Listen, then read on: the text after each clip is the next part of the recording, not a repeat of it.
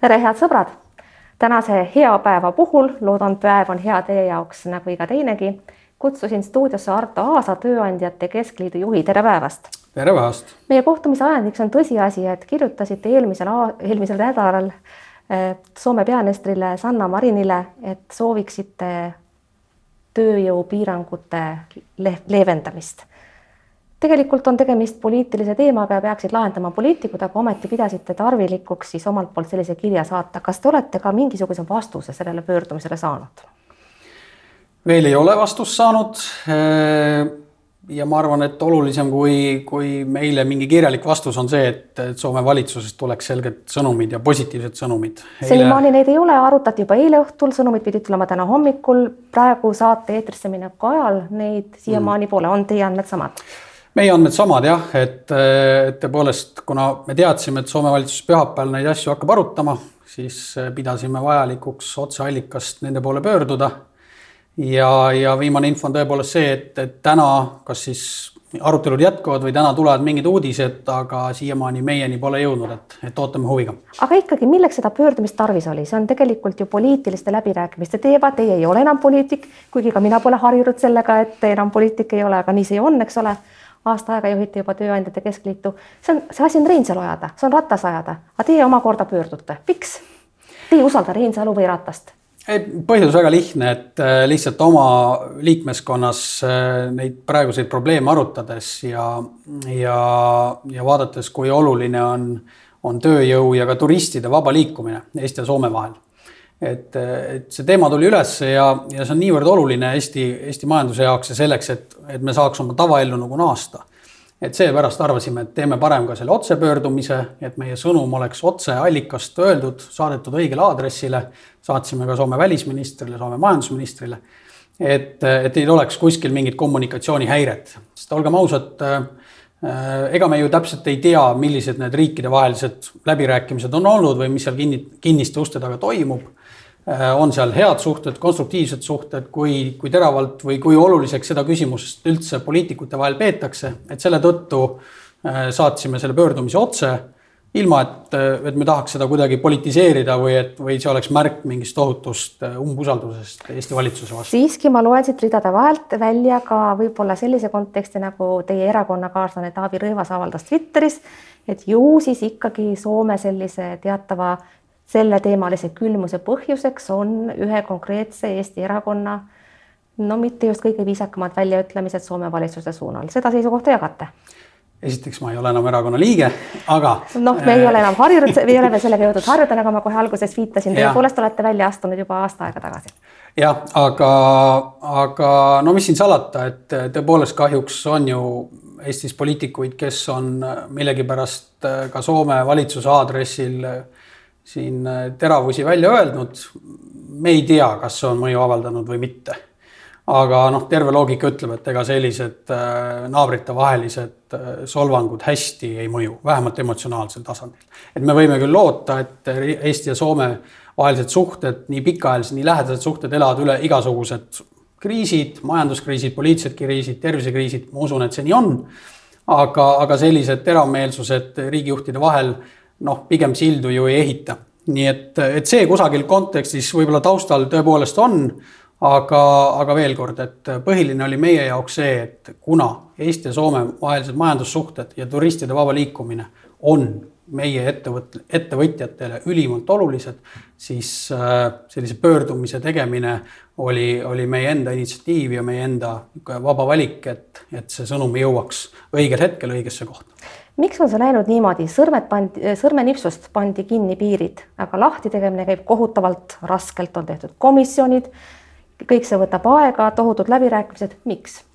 no see on hea küsimus jah, et tõepoolest äh, äh, ega paralleele sarnaseid võib tuua ka mujalt, et, et ka suhete ja sildade lõhkumine on palju lihtsam kui nende ehitamine, millegi lammutamine on palju lihtsam kui millegi uue rajamine. Ja ja piiride sulgemine oli ka lihtsam kui nende uuesti avamine ja, ja ma saan aru sellest loogikast, et seda tuleb teha kahepoolselt, ei ole võimalik, et Eesti poole pealt läheb laev rahvast täis ja jõuab Soome sadamasse ja neid ei lasta maha. aga et... võiks ju olla niimoodi, et me avame ühepoolselt piirid, see oleks ju tegelikult hea tahte märk, miks ei saa nii teha? Äh,? jah, võiks ju mõelda, et, et me saame midagi ühepoolset teha, ma ei tea, kuidas see päriselus välja kukub kuigi ka mulle on jäänud tõesti mulje, et selles nüüd piiriüleste suhete küsimustes ja, ja piirangute leevendamise küsimuses on Eesti riik julgem ja valmis rohkem tegema kui, kui Soome riik praegu. et siin me noh, tegelikult ju, ju toetame Eesti riigi seisukohta, et, et inimesed võiks üle, üle piiri jälle liikuma hakata, täpselt nii, nagu nad Lätiga on käinud ja probleeme pole tekkinud. ma saan aru, et kusagil taustal võib Soomes olla see hirm, et, et, et nad ei saa riikidega käituda erinevalt ja samas peljatakse võib-olla seda, mis toimub Rootsis. et meie sõnum jällegi oli see, et, et Eestis ja Soomes on terviseriskid täpselt samamoodi maandatud, me käitume samamoodi, meie näitajad on sarnased. ja lõpuks viirus on ju üks ja sama, ei saa ja olla, et Soome oma kuidagi parem kui Eesti oma. jah, ja, ja, ja mõlemad, mõlema riigi tervishoiusüsteemid saavad suurepäraselt hakkama sellega, sest piirangute algne mõte oli ikkagi see, et hoida ära väga kiirelt eskaleeruvat terviseriski, et meie haiglad ei saa hakka, hakkama haigetega, aga täna noh, mitte kusagilt seda ei paista, aga kõige kriitilisemal hetkel oli ainult väike osa Eesti haiglate võimekusest rakendatud. hästi, kui ma nüüd vaadata seda kole, Kalevipoegade eest seismist, siis võiks tunduda, et te teenite pigem Soome tööandjate huve, sest tegelikult on need ju töövõtjad, kes sõidavad üle mere ja tagasi ja, ja nad enamasti töötavad Soome tööandjate juures mistõttu võiks ju ette kujutada, et vähemasti maaeluminister Aller on teie poole pöördunud ja öelnud, kuule, Arto, mis jama sa üldse ajad siin praegu, kõik need Kalevipojad ei pea mitte Soome vahet sõitma, vaid peavad minema sügisel maale kapsaid ja kartuleid võtma. Te pole sellist telefonikõnet saanud? ei, ma ei ole sellist telefonikõnet saanud ja, ja võib-olla tõesti äh, nii-öelda Kalevipoegade küsimus pole nüüd Eesti Tööandjate Keskliidu kõige esimene prioriteet. meie jaoks on, on, on olulisem see, et saavad ärikliendid käia, saavad inimesed, kes on seotud tööstuses, saavad äh, inimesed liikuda, kes äh, kes on siis nii-öelda sissetulekuallikaks ka meie turismisektorile, hotellidele, teenus, teenussektorile. et see on nagu olnud olulisem isegi, aga, aga jumala pärast, tegelikult ka Kalevipoed peavad liikuma ja käivad Soome inimesed Eestis tööl, eestlased Soomes tööl. aga kuidas teile ikkagi meeldib see? perekonnad lõhutud, nad on lahutatud, see ei ole normaalne. aga kuidas teile ikkagi meeldib see jutt, Alleri jutt, et võiks juba isegi koolilapsed saata põllumajandussektorisse tööd tegema? see näitab, et ühes, ühes tööstusharus on, majandusharus on tekkimas kriis selle lahendamine arvatavasti ei ole kõige efektiivsemal kujul see, et kooliõpilased peaksid seda tööd tegema hakkama. no see ei tundu jah, kõige parem lahendus ja, ja ma ei tea, kas, kas seda keegi üldse nii tõsiselt võtabki.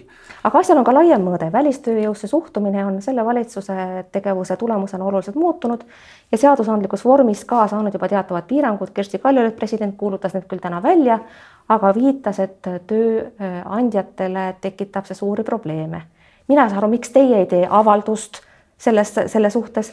oleks Tammsaar teie asemel, ta oleks kirjutanud juba kaheksa arvamusartiklit, käinud Terevisioonis Esimeses stuudios ja ma ei tea, kus veel. ma ei ole teid mitte kuskil näinud, mismoodi, mis mõttes, kuidas nii? me oleme väga aktiivselt äh, seisnud selle eest, et, äh, et välistööjõud saaks Eestis käia. me ka sellesama kobarseaduse ja eelnõu kohta tegime omad äh, teated, pöördumised Riigikogu poole, aga kahjuks nendes küsimustes ettevõtjate häält ei kuulata ja me oleme väga mures sellepärast, et ka eriolukorra varjus tegelikult viiakse ellu parteipoliitilist agendat, millel ei ole selle kriisi lahendamisega mitte mingit seost, vaid vastupidi, see süvendab kriisi. ja, ja seda on näha nii põllumajanduses, ka tegelikult tööstuses, ehituses, kus on juba välja kujunenud teatud tavad, siin käib välistööjõudu, need on inimesed, keda on Eesti majanduskasvu jaoks vaja, seda on ka Eesti Pank hinnanud hästi kõrgelt et tegelikult on see loomulikult suur probleem. loomulikult endine, peab tööjõud käima üle piiride. kas teie endine erakond oleks suutnud, endine koduerakond oleks suutnud hoiduda kiusatusest eriolukorra varjus täita oma valimislubadusi? oh, ma ei tea, see on nii poliitiline küsimus, aga, aga praegu on väga selgelt näha, et, et lisaeelarvega koos tekkisid teatud muudatused, millel ei ole kriisi reguleerimisega väga suurt pistmist ja sellele ka president viitas ja me oleme sellega nõus ja me ka pöördusime Riigikogu poole, et välismaalaste regulatsioone ei tohiks muuta karmimaks, keerulisemaks. me toetasime põllumehi nende pöördumises, põllumehed said väikese erandi, ajutise, aga ega see neid pikas plaanis ei aita. nii et tegelikult me muudame paljude Eesti ettevõtjate ja tööandjate elu keerulisemaks seeläbi kahjustame Eesti majanduskasvu. ma arvan, päeva lõpuks kannatavad just regioonid, maapiirkonnad ja, ja kusjuures EKRE enda valijad nii see võib tõepoolest olla, kuidas hindate seda majanduse toetamise meetmete paketti suures pildis, seal on küll tahke palju, aga andke üldine hinnang lühike, palun. ma arvan, mida võib äh, positiivselt hinnata, on see, et, äh, et see lisapakett sündis suhteliselt kiirelt ja kindlasti on seal positiivne, kõige positiivsem osa see Töötukassa meede, kriisimeede, kus on ka siis selle juures ka tööandjad ise olnud. Äh, see on hea, et KredExisse on raha juurde antud EAS-i läks äh, üks pott raha, kuigi liiga vähe, eriti kui me räägime turismi toetamisest. et seal on nagu positiivseid märke, aga muidugi väga suur osa sellest äh, lisaeelarvest on ju tegelikult lihtsalt avaliku sektori miinus. ja noh, see Eesti majandust liiga palju ei aita. no aga Töötukassa meedet teie tahaksite pikendada, ma saan aru, selline on teie seisukoht olnud. aga olgem ausad, ega seda, see maksumaksja rahakott ei ole ka lõputu, see saab ka tühjaks et kaua te tahaksite ja kui palju raha te tahaksite sinna musta auku sisse toppida? see ei ole, see ei ole üldse ka teie endisele koduerakonnale omane mõtlemine, et peaks lõputult toetama ja, ja maksumaksja raha ka kinni maksma. no alustame sellest, et mis asi on Töötukassa raha, et Töötukassasse tehaksegi sissemakseid töötajate poolt ja tööandjate poolt. ja, ja see ongi selleks mõeldud, et kui on tööpuudus suur või on kriisihetk, siis me seda raha kasutame. nii et ma arvan, et noh, oleks täiesti absurd kui me praegu Töötukassa vahendeid ei kasutaks, et selleks see, selleks see kindlustus ongi mõeldud. ja, ja siin ütleme, selle meetme puhul ei pea isegi äh, tänama väga valitsust tohutu lahkuse eest, vaid see on täiesti elementaarne, et tööandjad, töövõtjad, kui ise on teinud sissemakseid, nüüd saavad seda ka kriisi hetkel kasutada. et sellest peab aru saama äh,. nüüd on küsimus, et kui pikalt saab seda meedet äh, jätkata või pikendada, ma olen nõus, seda ei saa lõpmatult teha ja tõenäoliselt äh, me saamegi veel paariks-kolmeks kuuks selle kriisimeetmega jätkata, sest et äh, see on väga kallis, see raha saab otsa, aga Töötukassal on vaja ka vahendeid selleks, et äh, töötushüvitisi välja maksta ja muid teenuseid pakkuda. nii et, et ühel hetkel tuleb sinna joon vahele tõmmata, me peame õppima sellest kogemusest, mis nüüd esimese paari kuuga on saadud, välistama neid noh, kes tulevad sinna pettusega raha küsima, aga ikkagi andma veel natukene hingamisruumi sektoritele, kes nende piirangute tõttu on praegu hästi kiiresti sattunud hästi sügavasse auku. ja see pettuste oht on tegelikult väga akuutne teema, on ju teada, et ettevõtjad küsivad praegu Töötukassast raha ka siis, kui neil seda tingimata tarvis ei ole. aga kes saaks keelata, kui selline meede on olemas, et mis te selles asjas kavatsete ette võtta, ainult südametunnistusele koputamine ju ei aita? Äh, ma arvan või tahaks loota, et see pet-, pettuste hulk ei ole tegelikult nagu väga suur, eks ju, et seal mingid tingimused siiski on, äh, mingi kontroll on, kriteeriumid on ja saab ka tagantjärgi seda kõike kontrollida ja, ja raha tagasi nõuda. et ma usun, et see pettuste hulk väga suur ei ole, aga, aga nõus sellega, et võib-olla järgmiseks perioodiks me peame need kriteeriumid üle vaatama, toppima kinni need, need nõrgad kohad sest et noh, ka see Töötukassa meede sündis väga kiirelt, paari nädala jooksul, et tavaliselt sellist toetusmeedet noh, töötaks välja mitu kuud. et kahe nädala jooksul tehti, mina olin isegi valmis selleks, et selle rakendamine läheb äh, raskemalt, et tekib rohkem probleeme, sest ka täiesti uus IT-süsteem ehitati üles, aga siiamaani on läinud see päris sujuvalt. nii et, äh, et kokkuvõttes võime öelda, et see on olnud kõige positiivsem meede üldse täna nii töötajatele kui tööandjatele. ja võib-olla selle positiivsuse tõttu oodataksegi, et see meede pikeneks, aga, aga, aga nõus seda ei saa lõpmatuseni jätkata, sest et raha ei ole. okei okay., töötuse värske number on seitsme koma kahe peal, missugune on ta aasta lõpuks? ma kardan, et äh, oluliselt suurem. kahekohaline number tõenäoliselt, aga täpsemalt oskate ehk välja pakkuda? no täpsemalt keegi ei tea, aga ma kardan, et äh, eks ta sealt kümnest protsendist üle läheb ja, ja siin lähikuud on hästi otsustavad. SKT prognoos teie suust? Ei anna seda prognoosi, et äh, täiesti mõttetu, et iga nädal neid tehakse ringi.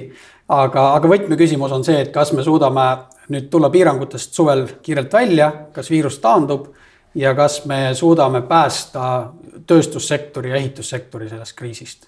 sest nemad on väga suured tööandjad, kui kriis jõuab sinna, siis äh, võib tööpuudus olla ka kaks korda suurem kui täna kuidas te suhtute Jaan Pillesaare Teenusmajanduse Koja juhi ettepanekusse peatada sotsiaalmaksu kohustus mõneks ajaks?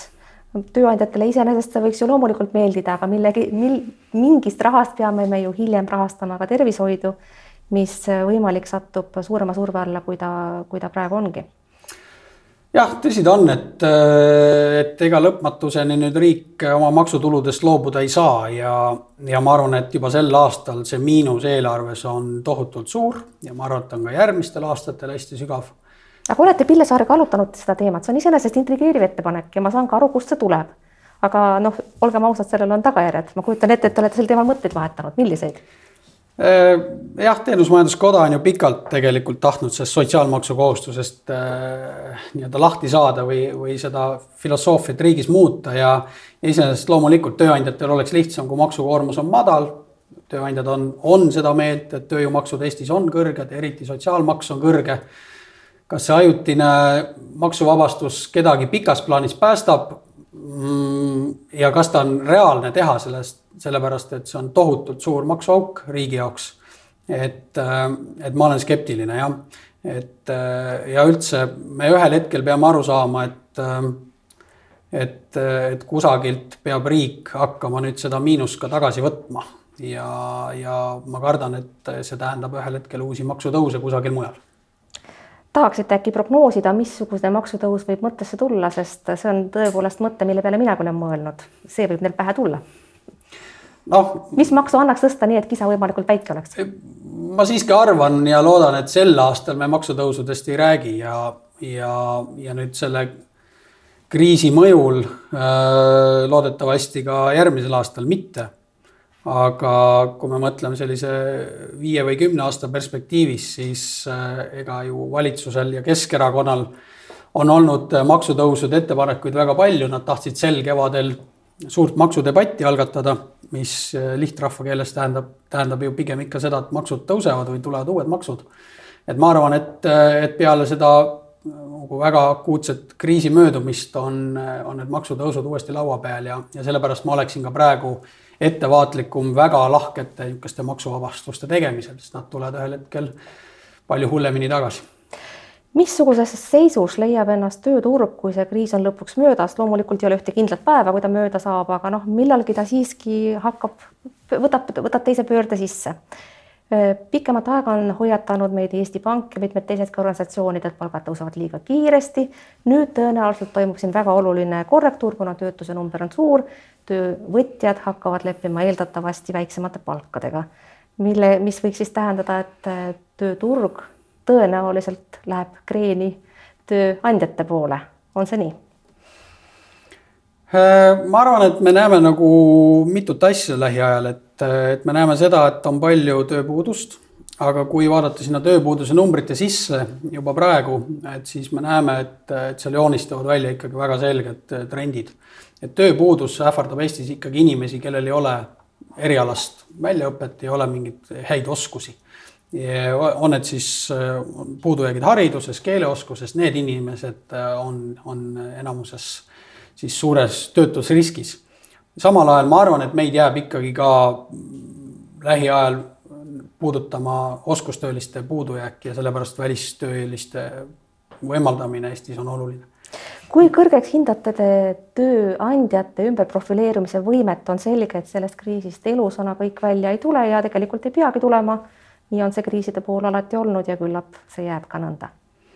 ja täiesti nõus, et, et iga kriis ikkagi äh, filtreerib välja need nõrgemad, kelle ärimudel äh, vastu ei pea ja, ja see on täiesti loomulik ja tegelikult äh, isegi hea, et, et kriisid käivad, kuigi ütleme, praegu on seda, eks ju, raske, raske kõike tajuda, aga kindlasti ka me näeme siin, et toimub majanduses teatud muutus ja, ja nõrgemad surevad välja ja on, on palju võitjaid, kellest me täna võib-olla veel ei kuule, sest et ega nad kõva häälega ei, ei, ei hüüa, et meil läheb hästi või et, et meie laieneme või, või suurendame turuosa. aga küllap on ka neid, aga jah, veel eelmisele küsimusele vastuseks, et tõepoolest võib-olla see, see pisikene mull, mis meil oli äh, palgaturul, et, äh, et see praegu äh, see probleem või see olukord muutub, et, et me ei näe nii kiiret palgatõusu sel aastal ja järgmisel aastal. tõenäoliselt on see nii, mida te soovitaksite noorele inimesele, kes praegu siseneb tööturule, noh, tuleb, tuleb tunnistada, et vaevalt leidub õnnetumat aega, mitte ainult Eestis, vaid kogu maailmas, aga soovituse võite anda loomulikult Eesti mastaabis noh, ma arvan, et, et, et sellised suured trendid Eesti majanduses jätkuvad ka peale seda kriisi või, või praegusel hetkel, et me peame ikkagi rääkima sellest ja otsima neid kohti, kus on kõrgem lisandväärtus, tegelema rohkem tehnoloogiaga, digitaliseerimisega, automatiseerimisega. me peame olema niisugused kliima mõttes nutikad, sellepärast et veel kolm kuud tagasi algasid absoluutselt kõik koosolekud ja üritused ja, ja, ja nõupidamised kliimateemadel ja see tuleb ilmselt varsti tagasi. ja, ja ma arvan, et, et Eestis ikkagi IKT ja IT-sektor ja, ja, ja see pool elab ka selle kriisi kenasti üle. ja, ja tervikuna noh, inimeste, inimesi on Eestis ikkagi vähe ja, ja kõik see, mida niisugune lihtne töö kaob ilmselt varsti ära, selline käeline, rutiinne, füüsiline töö, selle osakaal Eesti majandus igal juhul väheneb. hästi, Arto Aas, ma tahaksin veel küsida mõned isiklikud küsimused, sest mis saades oleks, kui me isiklikuks ei lähe? Lähme ikka Te olete nüüd umbes aasta aega saanud seda liitu juhtida, aga kahekümne aasta jooksul me mäletame teid poliitikast, poliitikuna, Reformierakonna poliitikuna. kakskümmend aastat on tohutult pikk aeg. kuidas te tunnete, kas teie praegused partnerid ja koostööd, koostöökaaslased on juba harjunud sellega, et Arto Aas on Tööandjate Keskliidu juht või nad pöörduvad ikka teie poole kui orava, orava poliitiku poole? Ei, juba tükk aega ei ole keegi minu kui, kui poliitiku poole otse pöördunud, et äh, ma usun, et selle rolliga on inimesed harjunud ja, ja mina ise kindlasti, et enam poliitikaga ei tegele otseselt ja, ja puudust sellest ei tunne, et see etapp on läbitud. aga miks te õigupoolest ikkagi poliitikast ära läksite, see oli eelmisel aastal, te kandideerisite veel valimistel, võib-olla nägite siis ette, et oravad jäävad pikaks ajaks opositsiooni, sabad sirgus, käpad käbil ei, see ei olnud äh, minu otsuste taga, et äh, mina ikkagi nägin seda, et äh, ma olen tõesti peaaegu kakskümmend aastat ühes sektoris tegutsenud, saavutanud kõik, mis mulle seal kunagi huvi pakkus. olnud Riigikogus, olnud valitsuses, saanud haldusreformi ellu viia. et mul ei olnud seal enam nii põnev ja huvitav ja, ja tahtsin minna nende unistuste juurde, mis mul olid keskkoolis ja ülikoolis, et saada ikkagi ettevõtjaks ja, ja vaadata seda poolt maailmast. no teie ettevõtja kogemus praeguse seisuga on ikkagi suhteliselt üürike kas näete ka ise seal arenguruumi? noh muidugi näen, muidugi näen peab muidugi tunnistama, et eh, Tööandjate Keskliidu juhtimine võtab eh, vähemalt kaheksa, kui mitte kümme tundi ööpäevas, et ega sealt kõrvalt muudeks hobideks ja oma ärideks väga palju aega üle ei jää, aga, aga tulevikus kindlasti. Tammsaaril, teie eelkäijal oli alati üks põhiline sõnum, mis kõlas niimoodi, et aastaks kaks tuhat nelikümmend on igal töötajal üleval pidada kaks inimest, kes tööd ei tee. see on mulle pealuu sisse kulunud, kui ma Tammsaari näen, mul tuleb see iga kord kohe meelde. näen ma teid, aga keskset sõnumit mulle ei meenu. Te saate selle praegu siin sõnastada. noh, ma sõnastaks selle siis nii, et, et, et Eesti ühiskonnas ja majanduses toimuvadki need muutused ja, ja ilma teadusarenduse ja innovatsioonita me jõukamaks ei saa et äh, me elame selle praeguse kriisi üle, ma usun, et, äh, me saame siit äh, päris kenasti välja. ja, ja tegelikult peame naasma nende debattide ja lahenduste juurde, kuidas jõuda järgmisele nii-öelda jõukusastmele, kuidas jõuda maailma rikastele järgi. ja, ja see peab toimuma mitte ainult kitsalt kusagil ülikoolides, vaid kõikides Eesti majandusharudes. Arto Aas, hästi lühidalt jäänud sekundite jooksul, te kindlasti puutute oma praeguses töös kokku selle tööga, mis teil jäi tegemata riigihalduse ministrina, sest riigireform oli ju teie teema. mõne sõnaga, mis see tegemata töö on, mis, millega te praegu silmitsi seisit, seisate, juhtides Tööandjate Keskliitu? jah, et ministri ajal sai riigivalitsemisreformidega algust tehtud, aga siis valitsus lagunes ja kahjuks ma pean väga sageli vaatama, et täpselt needsamad algatused ja memod ja analüüsid, mis me viis aastat tagasi tegime, on ka praegu valitsuse laua peal, et liiga palju ei ole, ütleme, riigireformide valdkonnas asjad edasi liikunud. see on aus ülestunnistus ja sellepärast me tegime ka juba juba paar nädalat tagasi valitsusele ja poliitikutele selle ettepaneku, et kui te headel aegadel ei tahtnud reforme teha, siis kriisiaegadel te peate neid tegema, nii et Arto tuleb sellega edasi minna. Arto Aas, suur tänu, et tulite, head sõbrad, aitäh, et vaatasite, vaadake teinekord ikka jälle, kuulmiseni, nägemiseni